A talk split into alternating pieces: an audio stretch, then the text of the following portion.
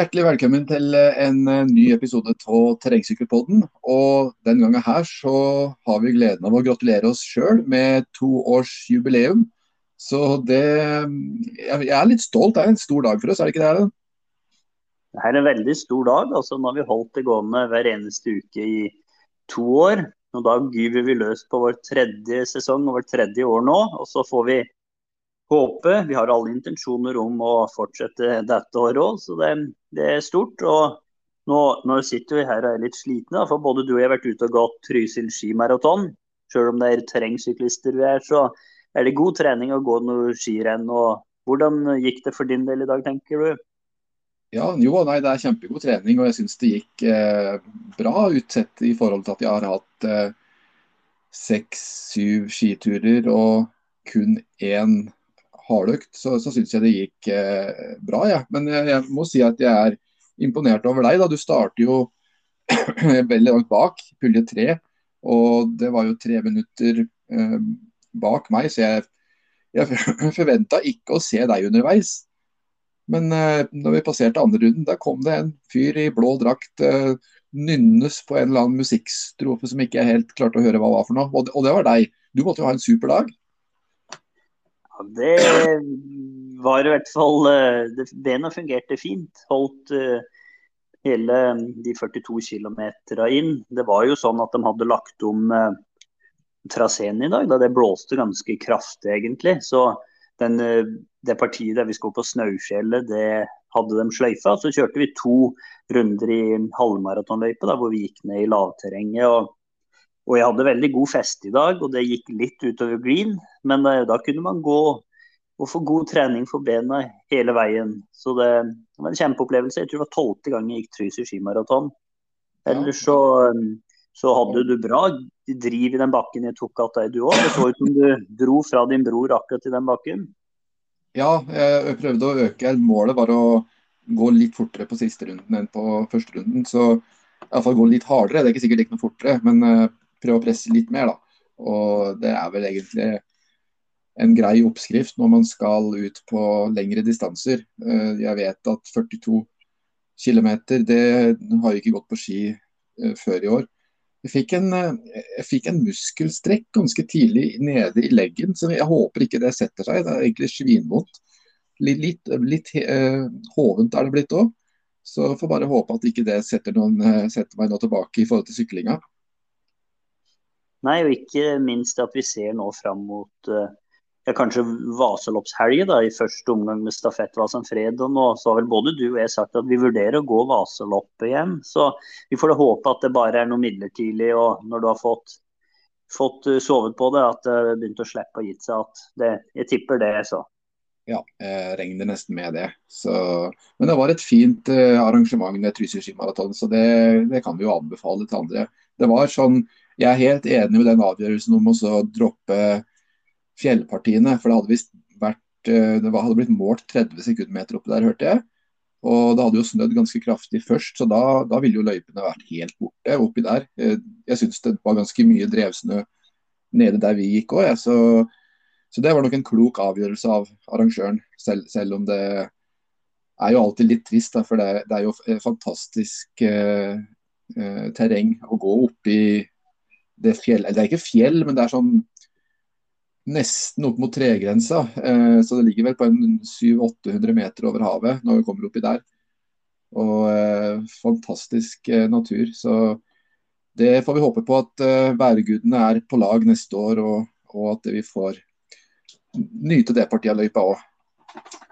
Ja, for det er det her når du skal gå to like runder, så er det alltid litt sånn den, den uh, tanken som kommer i bakhuet der når du skal runde for første gang. Det er alltid sånn at åh, nå hadde det vært digg å egentlig bare gitt seg. Mens ja. når du kjører en fullstendig runde, sånn som opprinnelig løypa her, så, så, så, koster det sitt fra start å gå helt opp i toppen. Men eh, belønninga kommer jo når du skal sitte i hockeyen i mange mange kilometer ned igjen. Så den gikk vi glipp av i dag. Så det ble to timer og mellom 40 og 50 minutters jobbing for vår del. Så den, den sitter i banken, den.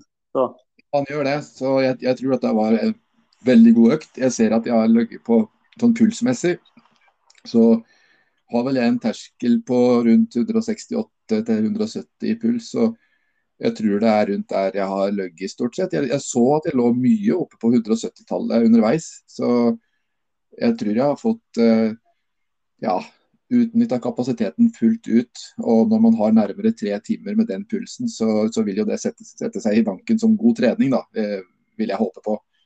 Så da, da har vi fått utbytte av dagen. ja, absolutt. Så, nei, det, var, det, var, gøy det her. Jeg var veldig du sa jo det at det starta litt bak og det har jo begrunnelsen i at dette var kanskje min femte eller sjette skitur i vinter. Eh, den første skituren hvor jeg har mer enn rolig gangerfart, for å si det sånn. Så det var, eh, det var en god følelse å klare å gjennomføre med ja, egentlig grei fart, da, med, til vårt nivå å være. da. Vi, vi sammenligner oss ikke akkurat med eliteutøvere der, for de, de holdt en så vanvittig høy fart når de kom imot der at det, jeg skjønner ikke hvordan de får det til. Altså Ski har jo mye å si, selvsagt, men det, de er jaggu meg godt trent. Ja, de er vanvittig godt trent. Så de, tok, de tar oss jo med et minutt uh, på kilometeren, så det er jo ganske, ganske vanvittig, er det. Ellers så uh, Vi som er syklister, vi har litt lett for å ville liksom, være, med litt, være med litt for lenge, kanskje, i starten på, i, på, på skirenn. Og kanskje at vi har lett for å gå litt for hardt ut, og at vi får eh, smake på det senere i, i, i, nei, i, rennet. Så Sånn sett så var det, var det lurt av deg å stille deg i pulje tre, tror jeg. Jeg fikk i hvert fall gått mitt eget eh, løp hele tida. Slo følge med jeg tror det var to eh, to slektninger, da, en onkel og en niese, som og vi lå holdt følge store deler av, eh, av rennet. Hadde ganske jevn fart, vi tre, så det var veldig ålreit, det også.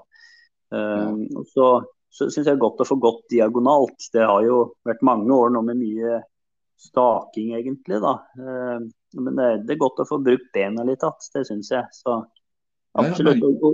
Ja. Jeg merka det sjøl, ja, at det, det, var mye bedre å gå diagonal nå enn staking. så jeg var liksom før så har jeg på en måte hatt litt forskjell på staking, men nå har vi på en måte 70 mest på sykkelsetet begge to. Og, og jeg kjente at beina fungerte veldig fint på diagonalen. Så det var, der det var vanskeligst å holde følge, var faktisk på stakinga. Så, så, i diagonalen der jeg tidligere har slitt en del, der uh, var det lett å holde følge nå. Ja, eller så når vi, hvis vi skal snakke litt om sykling, da, så er det jo um, verdensmesterskap i uh, hva kaller vi dette, e-sykling på Swift i, i, kveld, da vi spiller inn der. Så det blir veldig spennende å få fulgt med. Det går visst direkte på visse, visse kanaler, så man kan få sett hvordan de gjør det. og Bl.a. Vidar Mehl, terrengsyklisten, skal jo delta der. Så Ellers så er det jo ikke veldig mye sånn eh, trengsykkel om dagen. Vi ser jo på landeveien så har jo landeveissyklistene uh, sånn som Uno X har begynt å kjøre ritt i utlandet nå. Ved, og Kristoff har jo fått sin første seier for året. så det han, uh, han, er jo nesten på alder med oss, så det, det, er fortsatt håp. Ja, det er det. Så det er veldig moro. Så eh, skal ikke se bort fra at vi kan prøve å få med han på en, en episode i framtiden for å høre litt om hvordan han trener. og Selv om han ikke er terrengsyklist, så er det alltid interessant å høre hvordan andre syklister trener. For det er jo, det er jo tross alt sykling, og det, det er jo visse likhetstrekk mellom landevei og terreng også. Ja, absolutt. Man kommer uh, godt av gårde med en god motor innenfor terrengsyklinga. Det er jo mye bakker, så det, det er, eh, og det med terrenget det er absolutt trenbart. Det har jo både du og jeg erfart de siste åra, hvor, hvor raskt man blir hakket bedre ved bare å bruke noen ekstra timer i terrenget og på sti. Ja, absolutt. Absolutt. Så, ellers så ser det jo ut som at vi kanskje eh, får oss en ordentlig langtur eh, til sommeren, da, hvis du klarer å få eh, hvis du klarer også å få tatt deg fri fra, fra, jobben. Det skal vel kanskje mye til, da, men vi, vi er jo invitert til uh, Offroad Finnmark. Vi har jo snakka litt om arrangementet i fjor. Uh, etter at det ble arrangert i 2022, så hadde vi jo en uh, snakk med daglig leder Kjetil Johansen uh, fra Offroad Finnmark. Og jeg har jo sett på hjemmesida deres at de er godt i gang med forberedelser. Eh, det ser ut som de eh, eh, har en del nyheter også. Så det blir veldig spennende. Og vi har faktisk vært så heldige at vi skal få snakke med han nå i denne episoden her. Og vi er da invitert opp dit til å, til å bli med. Så du må på en måte kjempe litt hardt nå på jobben din. Eller finner, du, husker, du vet det er noe som heter egenmelding òg? Ja da. Og så har jeg jo vært og titta litt. altså Jeg ser jo at starten for å få Finnmark 700, det er jo på en mandag. Og da gjør det jo ting litt lettere. Uh, når man jobber turnus, da, sånn som jeg gjør, så da bruker du Bruker du 100 timer, så er du i mål på forhåpentligvis i løpet av torsdagen en gang, hvis jeg regner riktig på det. Så da Men med det så kan vi vel bare høre litt med han hvordan dette foregår. Det er under seks måneder til, så det, det er jo greit å forberede seg. Ja, da hører vi med.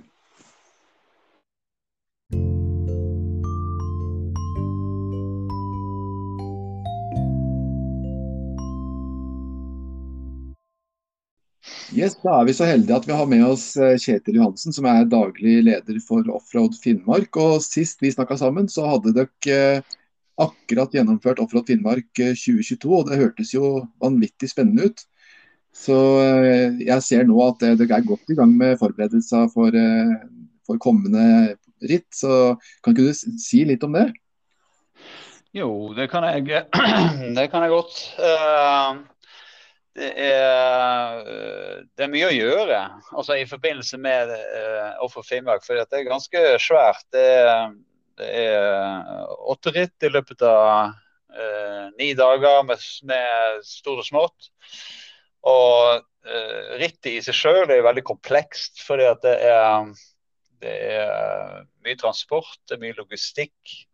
Um, det er uh, mye samarbeidsparter av ulik art. Det er mange frivillige og nøkkelpersoner uh, uh, involvert i, i, det her. Så skal du sy sammen alt det der i, i ja, i forholdsvis fornuftig pakke, da, sånn at er, når folk kommer hit, så det så får de mat, og så får de overnatting, og så eh, har vi kål på Eh, det tekniske i forhold til det, det, det vi erfaringsmessig vet at deltakerne trenger, etc., etc., etc. Så det er, um, og så er det jo selvfølgelig nett og informasjon, og så er det jo alt det med påmelding i forhold til eh, det der. Og så, ja.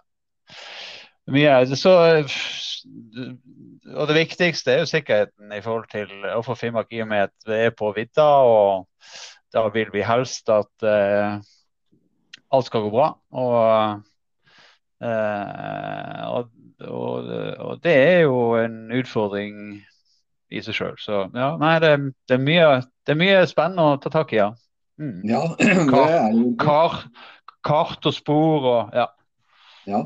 Jeg så jo et, eh, et TV-reportasje fra Offroad Finnmark i, i, fjor, og da så det ut som dere hadde flom, og det var en del heftige elvepasseringer bl.a. Ja, det var det. I fjor var det veldig krevende og veldig vått. Det er vel sjelden det har vært uh, så. Måtte, enkelte steder måtte vi legge om løypa fordi at uh, de elvene, eller den elven på det strekket som vi skulle krysse, da, den, uh, det var for stor vannføring, så det var risiko for at at deltakerne skulle flyte med. ja, ja, ja. Så, ja, så det men um, vi har jo godfolk på det her, da, så løsningen er jo da uh, tau, uh, som, uh, som deltakerne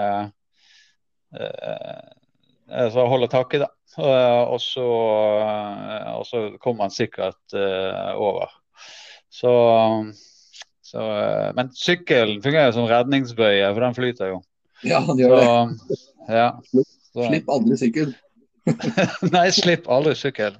Så der var det Det var nok noen det var nok noen som tenkte seg om både to og tre ganger før de eh, egentlig turte å, å, ta turen på, uh, over, eh, over, elven. Men, eh, men vi, vi, vi, er jo veldig nøye på sikkerhet. Så, så vi, vi, vi sørger for at de har ting å holde i, sånn at de kommer seg over. Ja, ikke sant. Og uh, Offroad Finnmark det er jo på en måte noe for uh, alle. Man har jo den uh, ekstremvarianten på, på 700, men det er jo mange mange arrangementer i Offroad Finnmark som der, der, alle vil jo finne noe som passer for dem. Ja, det vil de absolutt. Altså, det starta jo med Det starta i 2008. Da, eh, I 2008 i Alta og i Finnmark så kan vi vel egentlig si det at eh, sykkelsporten ikke eksisterte i det hele tatt. Eh, det, fantes ikke noe kultur, eh, kultur eller miljø eller, eh, eller altså, det, å, det å etablere et sykkelritt som skulle være eh, så langt som ingen hadde sett før, og det skulle gå i villmarken, i et område der det ikke var noe kultur eller miljø for sykkel, og i hvert fall ikke i terrenget.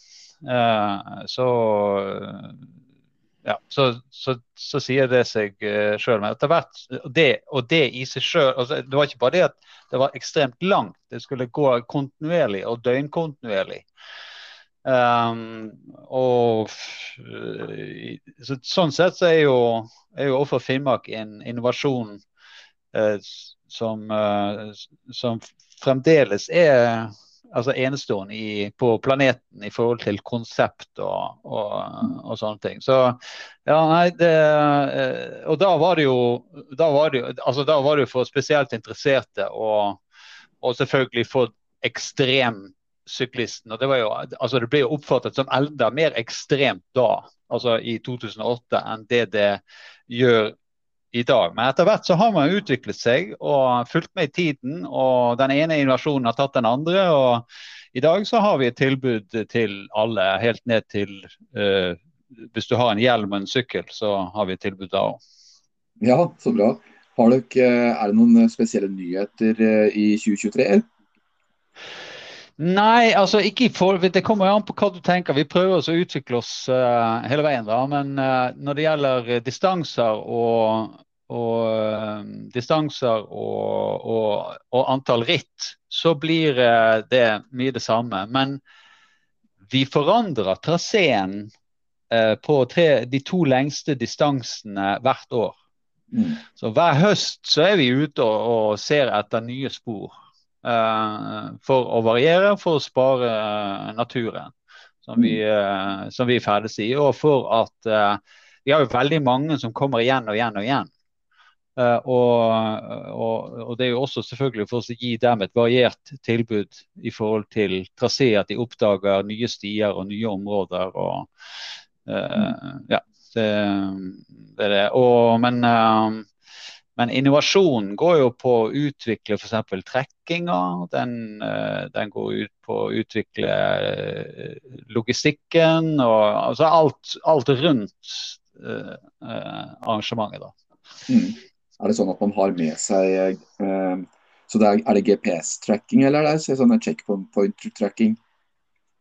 Nei, det er, er GPS-tracking. Altså det, uh, du må enten altså det, det, vil jo være lurest å ha en GPS og så, uh, og så kjøre, laste ned sporet der. og så kjøre, Det er jo det det egentlig er lagt opp til. Men for, uh, for sin del så vil vi gjerne at man laster ned uh, sporet på, uh, på, telefonen, sånn at man har den lasta ned og kan bruke den uten, uten dekning.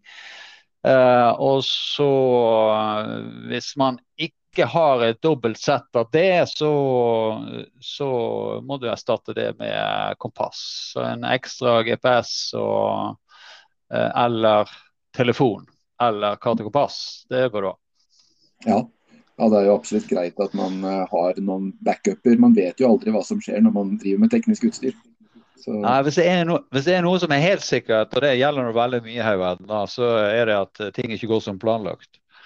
Ja, så Derfor så er vel spørsmålet her med planlegging noe av det viktigste man kan gjøre i forhold til uh, det rittet der, og fra Finnmark, og spesielt de lange distansene. Ja, det er absolutt, eh, det er absolutt en fordel. Og, og, men det er jo litt morsomt òg. Altså, liksom, eh, hvordan er det å sykle i tolv timer altså, i forhold til eh, altså, i terrenget? Eh, hvor, eh, hvilke type utstyr er det man da bruker? Alt fra bib til, til type bekledning for null grader eller tre grader og regn, f.eks. Mm. eller, uh, eller det er utstyr som du trenger å ha med i forhold til uh, det, det er f.eks. ikke lurt å, å, kjøre med den letteste kjeden. sant? Uh, der bør du he egentlig ha en solid kjede som ligner mer på en kjetting, for det er så mye, det er så mye skit og sand over lang tid kan bli. Mm. Uh, uh, så da sliter det mye på utstyret. Så å planlegge i forhold til hvor, hva man tåler å spise, og, og hvordan man, hvordan man Altså hvor mye man drikker i forhold til forskjellige dype temperaturer, om det er 10 grader eller om det er 15 grader. Så det er altså å teste ut de tingene her, sånn at man blir vant til mest mulig av det man egentlig skal ut på. For man blir, jo, man blir jo gjerne god på det man øver på. Det er akkurat det. Og når det gjelder ernæring, så, så jeg og Erlend snakka litt eh, med det akkurat før du kom, kom innpå her. og eh, Man må på en måte heller spise ut ifra et planleggingsmønster enn å spise ut ifra følelse og hva man har lyst på, kanskje? Det er en sannhet med modifikasjoner. For at uh, ja, du kan Men altså, du kan, du kan spise i forhold til et, et, regime. Men hvis det er noe som Det, det går nesten aldri som planlagt, ser du. Uh, å, å holde seg til den planen der. Du kan komme opp i en situasjon der der du på en måte har mistet matlysten. og Uh, og det eneste du tenker på, det er, det eneste du tenker på det er at du har ikke lyst til å spise. Men hvis du ikke, hvis du ikke har lyst til å spise eller slutter å spise og drikke, sant, så er det jo begynnelsen på slutten. Da er det jo game over uansett. Mm. Det, det, det, er noe vi er helt sikre på at det kommer til å skje. Allikevel så kan det være vanskelig i enkelte situasjoner å, å, å spise. Og da eh, da spiser man det man har lyst på. Enten det er potetgull, eller det er sjokoladekake, eller et eller annet annet. Mm. Ja. Eh, eh, som, som, man, eh, som, som, man får ned, da. For det er mm. bedre enn, det er bedre enn ingenting.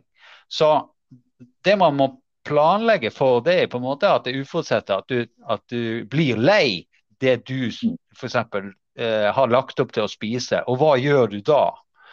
Eh, mm. og, eh, og, ha alternativer eh, hele tiden. Så hvis man planlegger for det uforutsette, altså i anførselstegn, da, så er man egentlig kommet eh, ganske langt, eh, langt, på vei. Tidsskjema kommer til å ryke. Um, uh, I forhold til søvn kommer til å ryke. for det, det, kommer til å gå uh, Eh, det kommer aldri til å gå som planlagt i forhold til matinntak og den type ting. Uh, og så kan du jo få deg overraskelser som, uh, som man ikke skjønner noe av. F.eks. så var jeg sjøl ute og så kjørte 700 i 2019. Og så uh, kom jeg i en situasjon der Der jeg begynte å Kan man si pisse? Det kan man kanskje si. Ja, mm. uh, ja, men uh, der man begynte å pisse oftere og oftere, og man drakk og drakk. Uh, og så pisser man blankt, og da tror man jo i utgangspunktet at alt er i orden, altså ifølge, ifølge teorien. Ja. Men det faktum at man pisser ofte, er egentlig et tegn på at du er dehydrert. Fordi at det er mm. ingenting som fanger opp maten, nei, fanger opp væsken. Det går bare rett, rett igjennom. Så det er man ikke skjønte, eller det jeg ikke skjønte, det er at nå er du egentlig dehydrert. Mens jeg tenkte at her, jeg skjønner ikke hva som er galt, for uh, jeg, jeg, drikker jo, jeg pisser jo blankt. Ja. Men da var det altså uh, at man er dehydrert. Og når jeg endelig hadde flaks og spiste noe havregrøt, sånn at uh, den væsken som jeg drakk da, ble absorbert i, i, kroppen, så begynte det å fungere igjen. Så da lærte vi noe, da. Var det selv om du drakk uh, sportsdrikk med, med salter i? Ja, uh, fordi at det, uh, det er greit at salt binder, binder, vann, men du er nødt til å ha noe i magen som absorberer væsken. Sånn. Mm. Det holder ikke bare med, det holder ikke bare med salt og, og, og, drikke.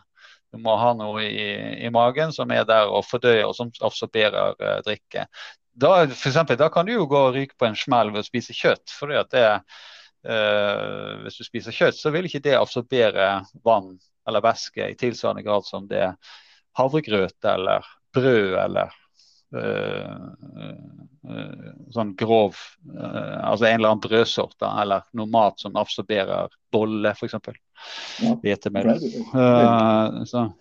Veldig interessant, egentlig. for det mange kan kanskje tenke at det klarer seg med sånne her måltidserstattere som er sånn fullt av kalorier, f.eks. sånne gainers eller et eller annet sånt. Eh, men det er jo på en måte mer væske og ikke, ikke, tyggbar mat. Sånn, sånn at det, det, vil ikke gi den samme konsistensen. Nei, det kan f.eks. På, på, en 150, på en 150 km så kan det holde ganske lenge. Uh, men uh, når, det, når, det, begynner å gå og bikke 7, 8, 9, 10, 11 timer, så skjer det noe annet. Da går du inn i en annen fase uh, på det her. Så det at du kan ikke og la oss si at du er ute på en 700 km, f.eks., så kan du ikke eh, så kan du ikke eh, gå på en utedrink eller én type sort mat. Det går egentlig galt hver gang du prøver bare på én type sort mat. Det kan gå bra i noen timer, um, men, uh, men ikke, i, ikke, i, lengden. Så det lureste man gjør, egentlig, det er å spise vanlig mat så lenge som mulig. Mm. Uh, for å og, og, og, så heller redde seg, ha de her nødgreiene på, som, uh, som uh, i, altså i reserve og som et alternativ som du kan hive i deg for å få i deg, sånn som du var inne på i sted, næring. da. Ja. Uh, så ensidig sant, Det er jo nok av de som har gått på smell på gel f.eks.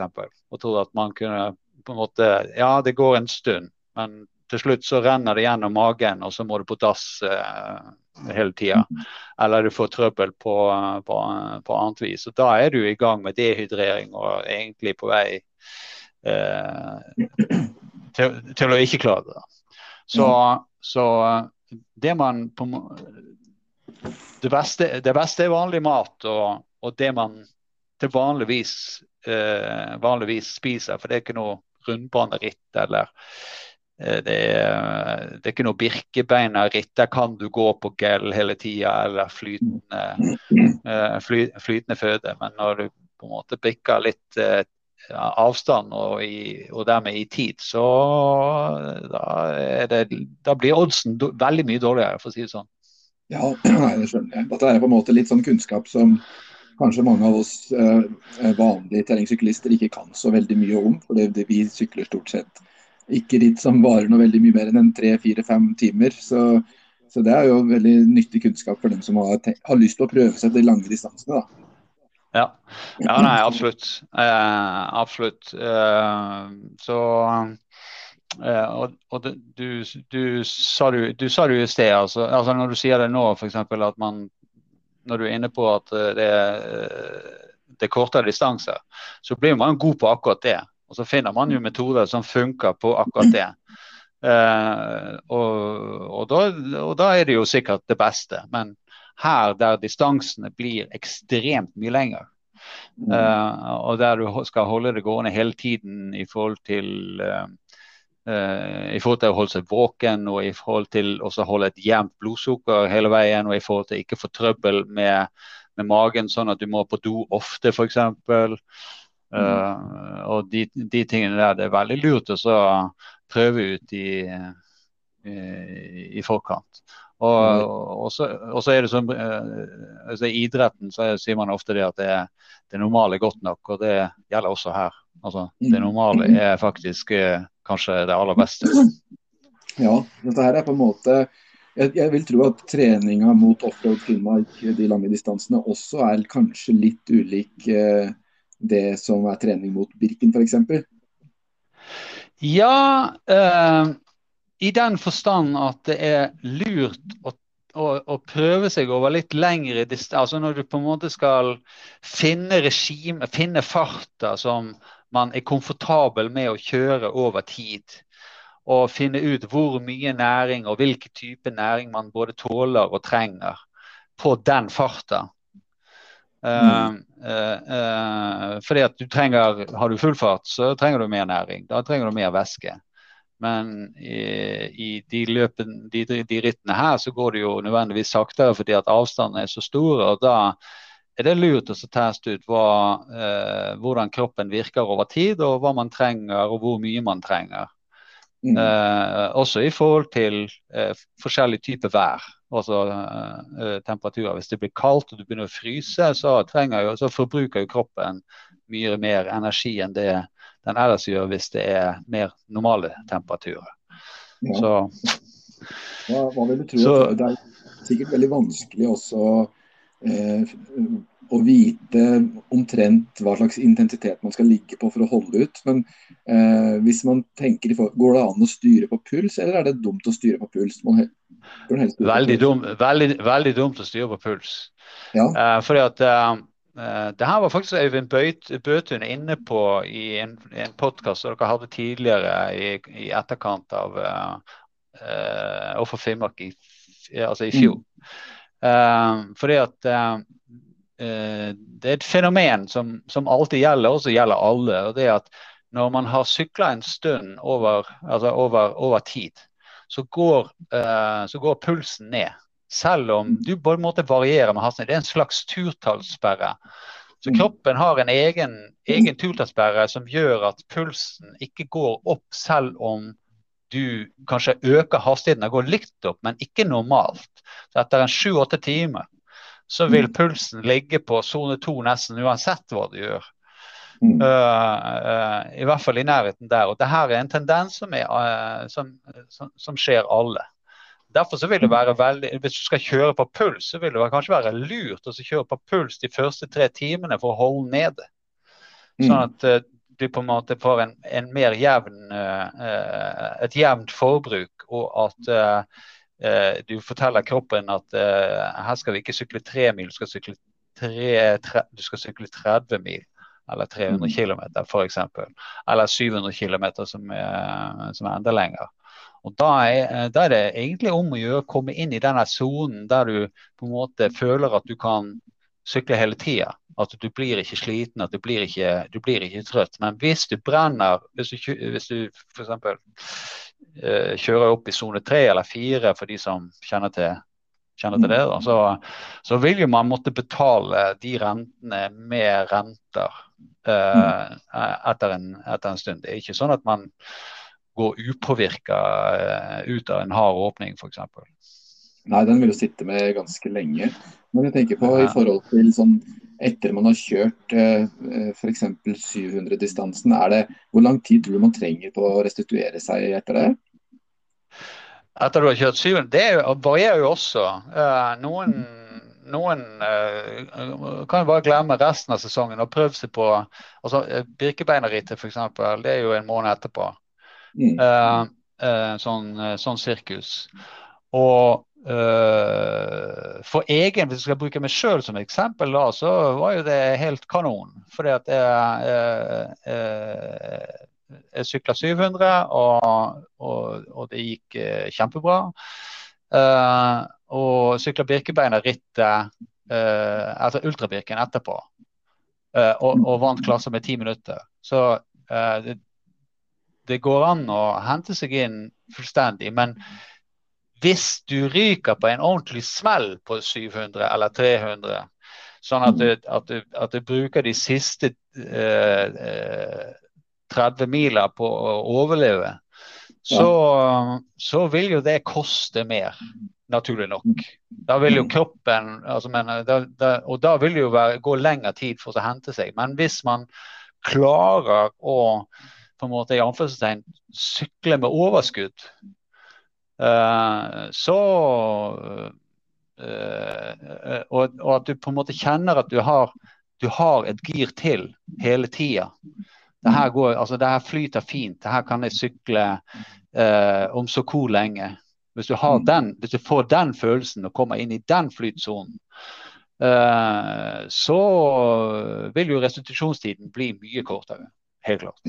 Ikke sant. Så, ja, så, det, så det er godt mulig. Ja, vi har jo en, eh, en kompis som uh, eh, sykla offroad Finnmark og gjorde det veldig bra. Og han, uh, han Jan Christian Haugnes. Og han, ja, ja, ja, ja. ja og han sykla jo, jeg mener det var to uker etterpå. Da sykla han Trans Østerdalen og gjorde det veldig bra der. Stemmer, stemmer ikke det, Ellen? At det var uh, Trans Østerdalen han sykla rett etterpå? Jeg vet ikke helt om han Uh, jo, det var på den tida Transøsterdalen gikk i midten av august. Det kan stemme, det, altså. Ja, jeg mener han bare litt etterpå. Så, ja. ja jeg, tror, jeg, tror, jeg, jeg, tror, ikke han har sykla fortere enn det han gjorde etter Offroad Finnmark.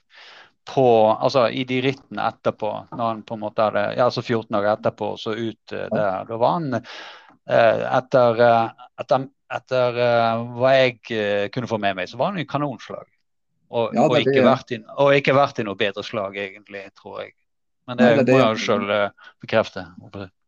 Ja, Nei, er nettopp det jeg mener å huske, faktisk. At han var i superslag rett etterpå. Så Nei, ikke rett etterpå. Sånn 14 dager, det er minimum. Og det er veldig mange av de som har kjørt 300 også, som får en mm. kjempeboost under Birken. Uh, uh, hvis de gjør restitusjonen uh, skikkelig etter, etter, å ha kjørt 300. Men men også veldig mange av de som har kjørt 700, eh, får det til å funke på ultrabirken eller birkebeinrittet eh, en måned etterpå. Ja, og det gjør det jo eh, kanskje lettere for veldig mange som kanskje har Birken som et eh, mål da, å kunne melde seg på, så lenge de vet at hvis de disponerer godt og kjører, kjører riktig, så, så, kan faktisk eh, Offroad Finnmark være med på å øke nivået deres.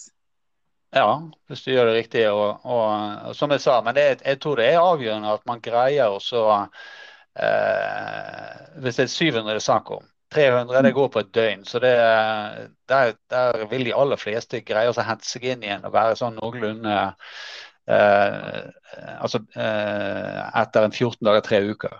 Og så er det og så er det også på en måte hold, altså hold, De holder jo i gang, da, men det vil gå fint. Men 700 hvis man kjører med overskudd, uh, i, i, den grad man kan si overskudd, da, uh, uh, på 700, så vil det, så vil det ganske mange få en boost av det.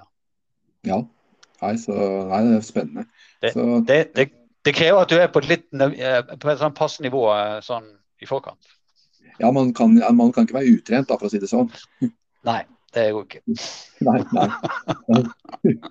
Så, nei jeg, han, Erlend sitter jo sikkert og brenner inne med masse spørsmål, han òg, så jeg kan slippe til deg litt, Erlend. Ja, absolutt. Jeg lurer litt mer på det her med Dere har jo noe sånn absolutt siste utsjekk, altså sperrefrister og sånn. Er det sånn at det er mange ja. som ikke klarer å, å være tidsnok ute da, for å klare sperrefristene av de som har deltatt tidligere? Det er alltid noen som ryker.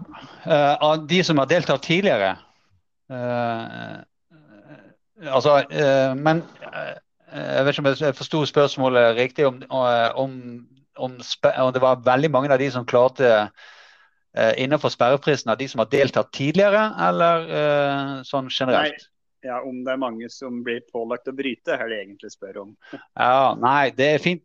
Altså, det kommer jo an på forholdene. Uh, vi har ganske romslig med tid. Det er 110 timer uh, uh, som man kan være ute til sammen på, på 700-distansen. Og det er jo fire og tre kvart døgn. og så er det et par og 40 timer på, på 300. Og, og, de aller, aller fleste klarer denne fristen her. Vi hadde, hvis jeg husker riktig nå, så hadde vi 95% fullførende innenfor fristen på 300 km og 86% på, eh, på 700 km.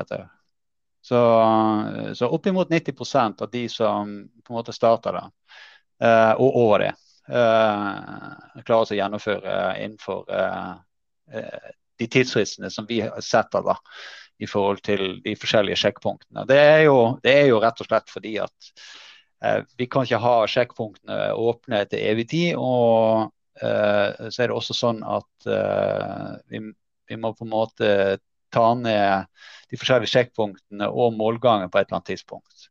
Og lørdag klokken tolv er et greit tidspunkt, for da har vi akkurat nok tid til å forberede både alt det som skal skje før banketten klokken sju på kvelden. Ja, ikke sant. Eh, hvordan er det i forhold til det? Det er jo to obligatoriske litt lengre hvilepauser. Det heter vel at du må ha eller totalt ni timer da, fordelt på Kautokeino 2 og Karasjok. Og vet ja. du liksom noenlunde om folk pleier å fordele det helt jevnt? Liksom, at de tar fire og en halv uh, time på hver, eller tar de mye hvile på den ene og mindre på den andre? Ja, Det er jo litt sånn Det er, det er et veldig godt spørsmål. Uh, fordi at der er det mye taktikk ute og går. Og så er det Uh, ja, det er altså eh, taktikk ute og går i forhold til vær og i forhold til hvor sliten du er. La oss si du har gått på en smell, en næringssmell, uh, og du er inn mot første langhvilen, som er Kautokeino på, på 700. Da vil det jo lønne seg å ta litt mer hvile der. La oss si fire-fem timer der, og så ta Eller kanskje til og med seks, som jeg sjøl har gjort. Uh, og også ta litt mindre hvile på, på Karasjok. Karasjok der. Og så er det jo alltid fordeler og bakdeler med det her. Men la oss si det at eh, fra Kautokeino til, eh, til, Masi så går jo det etter en gammel postrute. Eh, og hvis jeg skal gjøre, lage et eget eksempel, da, så, så så I 2019 så blåste det veldig.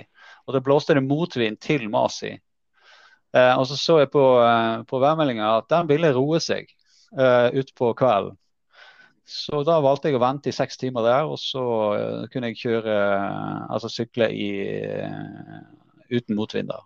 Og det er stor forskjell.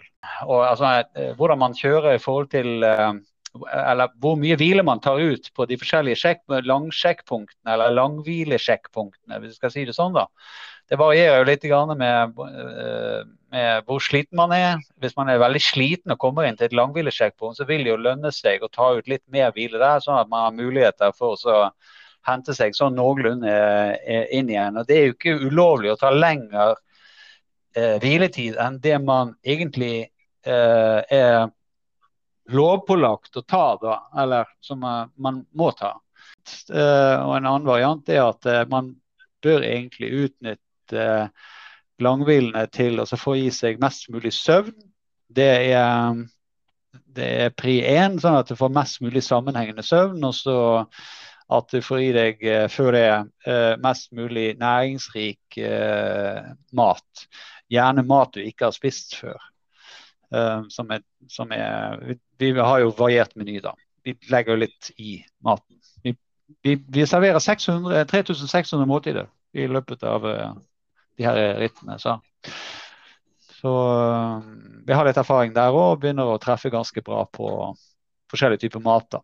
Og så har vi også tilpassa mat i forhold til de enkel, den enkelte deltaker sin allergi. Så de får spesialtilpassa mat. Ja, Det høres jo veldig bra ut. og sånn, Det er litt vanskelig å tenke på akkurat her og nå. Det er jo mørketid oppi der, og det er jo mørkt her sørpå.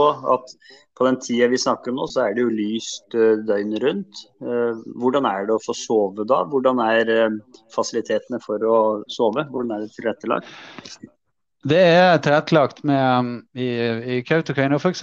så er det jo en en idrettshall som uh, vi benytter, og som, uh, der vi bruker en hel håndballhall til, uh, til soveplasser. Og Der senker belysning, og så er det madrasser med god avstand mellom madrassene utover. Altså i, i, denne håndballhallen her så får man ro og fred.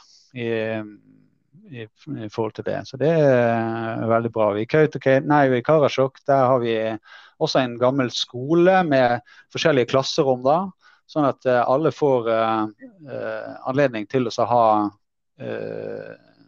altså sove rolig uten at det er tjåka fullt, eller masse folk som går der, eller, eller at det er stille. Uh, så det har funka veldig bra i, i, i, mange år. Så det blir godt, blir godt, det blir godt tatt vare på. Vi er de frivillige som jobber, jobber hos oss, altså, de er viden kjent for uh, omsorgen til uh, slitne og trauma, traumatiserte deltakere, hvis det skal være litt flåsete. da. Ja, det høres bra ut, det. Og hvordan uh, er det her med hvor vanskelig terrenget er. Jeg husker du sa sist vi pratet om at dere forandrer jo litt på løypa hvert eneste år og den slags. Men som generelt sett, hvor, hvor vanskelig er terrenget? Er det mye sted du rett og slett må bære sykkelen? Trille sykkelen? Ja, vi, hadde, uh, vi har alltid uh, et innslag av det vi kaller no man's land. Uh, og Det kan gjerne være noen kilometer med der det ikke er sti eller ATV-spor eller noe å kjøre. Du må på en måte gå etter GPS-en. Og Det er fordi at det er mest praktisk.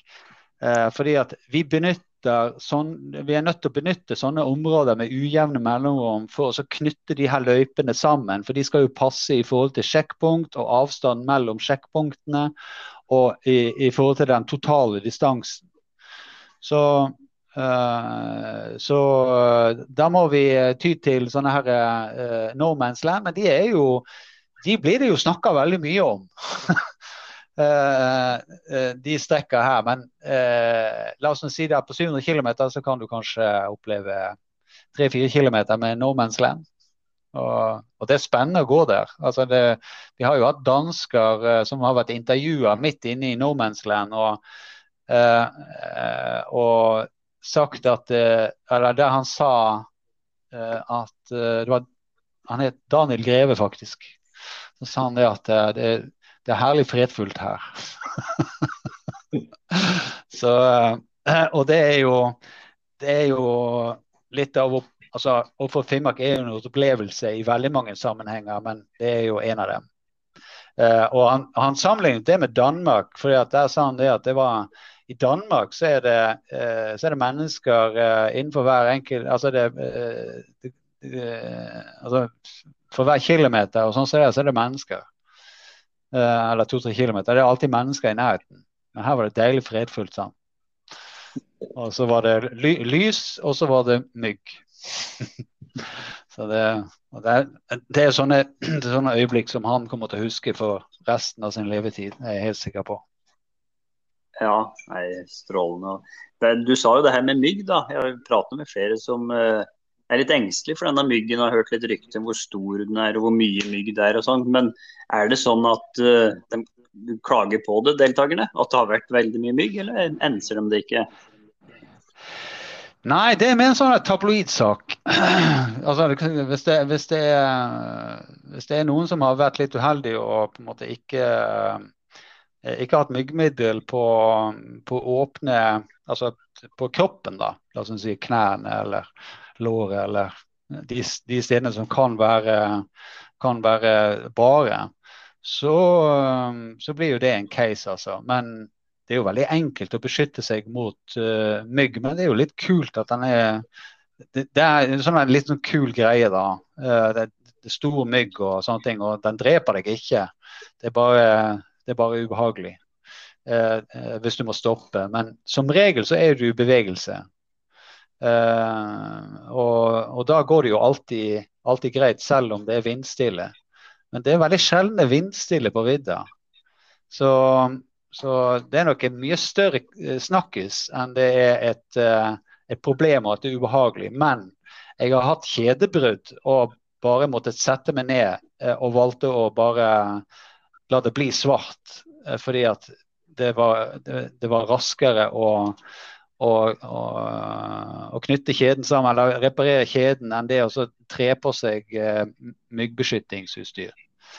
Men så er det jo det at vi har jo, vi har jo, netting, små netting. Det veier jo ingenting. Det kan du bare ha over eh, hjelmen. og Det er det jo mange som kjører med. Det er ikke noe heft. Og så er det jo skallbekledning som er obligatorisk utstyr. Og Det er jo bare å tre på seg det, så er du kvitt myggen. Så det, det er ikke noe sånn der, eh, Det er en snakkis. Uh, men uh, en, en, kul snakkis. Og ja, det er jækla ubehagelig hvis du har bare områder og det er masse mygg. Det er klart det. Men, men, men det fins jo det, det, Ja. Det, har, vi har klær for den. Vi har klær for den. Vi har en løsning på det. der. Det er jo masse næring i myggen nå, da, hvis man blir lei den maten man har med seg.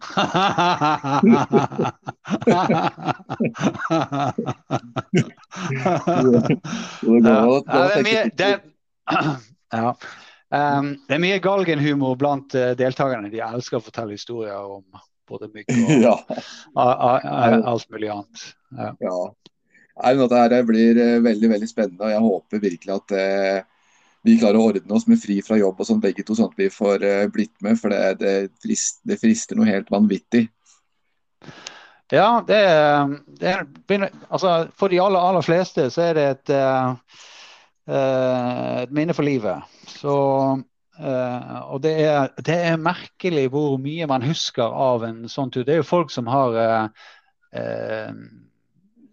ja, Jan Christian Haugnes har vel egentlig skrevet en, en, en ganske detaljert historie om, om, ferden sin. Og det har jo Tor Espen Jolma som vant 700 eh, nå, det er helt utrolig hvor mye man husker av, eh, av turen. Og det er, du er ute i, i, i uh, mange døgn, og allikevel så husker du ned til de minste detaljene. Så det, det er tydelig at det er, det er en opplevelse for det er, det, er en vakker reise, og det er en opplevelse som, som varer evig. Ja, det er det. Og hvis man er litt sånn filosofisk, da, så er det jo sånn at eh, hvis man går og tenker på om man skal sykle offroad Finnmark, men ikke gjør det, så, så, vil jo det være en av de tingene man kommer til å angre på når man ligger eh, på senga når man blir gammel. det er jeg ganske sikker på, ja.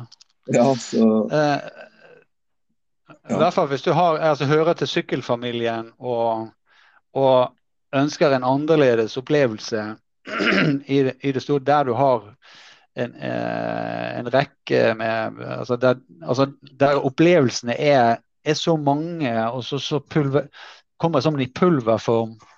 Så, så, og, og, det går eh, Det er veldig mange vakre historier der eh, deltakere møter de frivillige som faktisk bærer hele arrangementet her. da.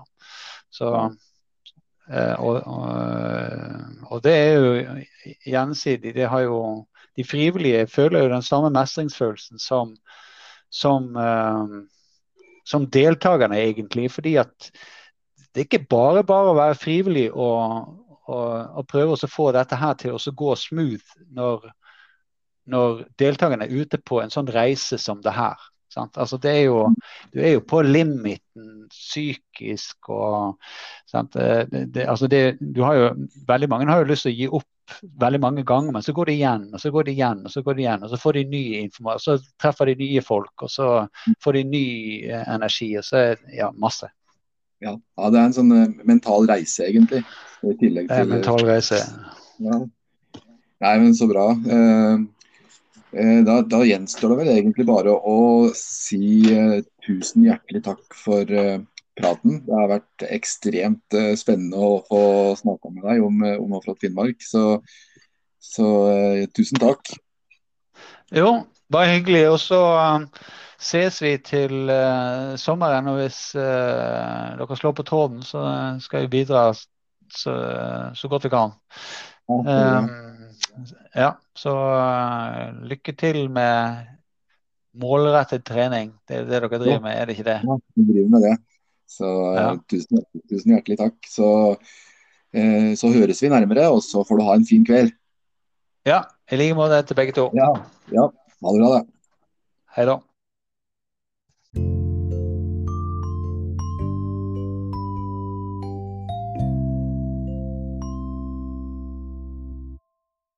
Må jo si at jeg er ekstremt motivert for uh, å bli med.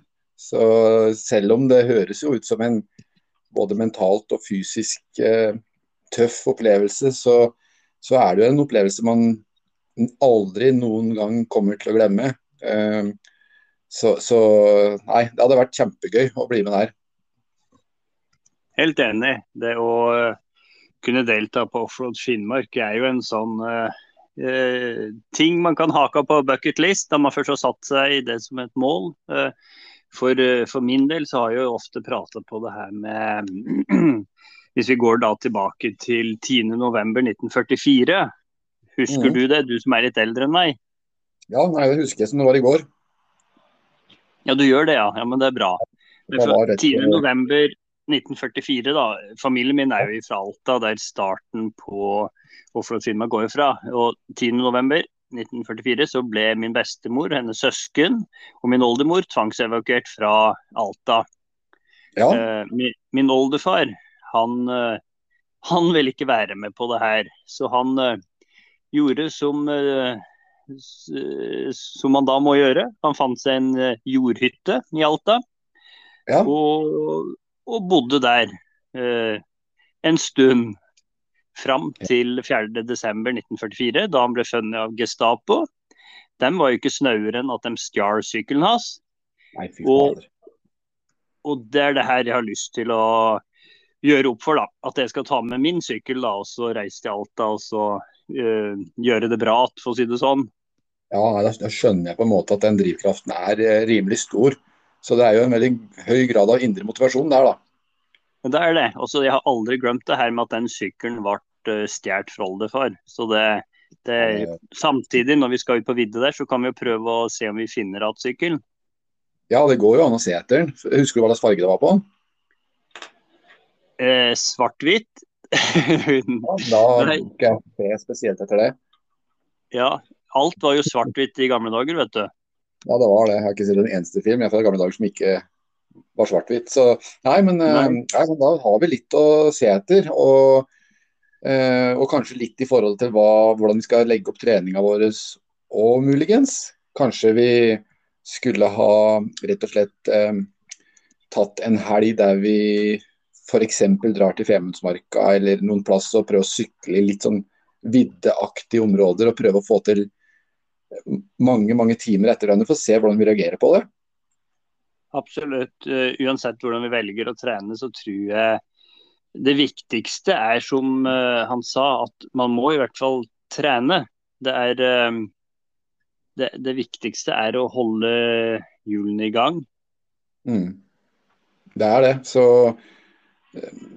så altså, man bør kanskje ikke tenke så mye på å gå for den 700-distansen hvis, eh, hvis man ikke har trent på sykkel før. Så man må på en måte ha et visst grunnlag, tenker jeg, da, eh, før man eh, går for noe sånt. Så det er som, eh, å ha et grunnlag, som sagt, det er viktig, som begge dere nå sier. da, men men, men samtidig så vet vi jo at sånn som Tor Gottaas, som vi har hatt som gjest i mange mange episoder her, som sykla, sykla Trondheim-Oslo egentlig uten å ha trent noe på sykkel og bare ved ha noen brødskiver på baklomma. Og han fullførte, han òg. Jeg skjønner jo at eh, distansen vi snakker om nå er jo en dobling, men eh, det er utrolig hva menneskekroppen får til ved den rette motivasjon og, og lysta. da, og ja.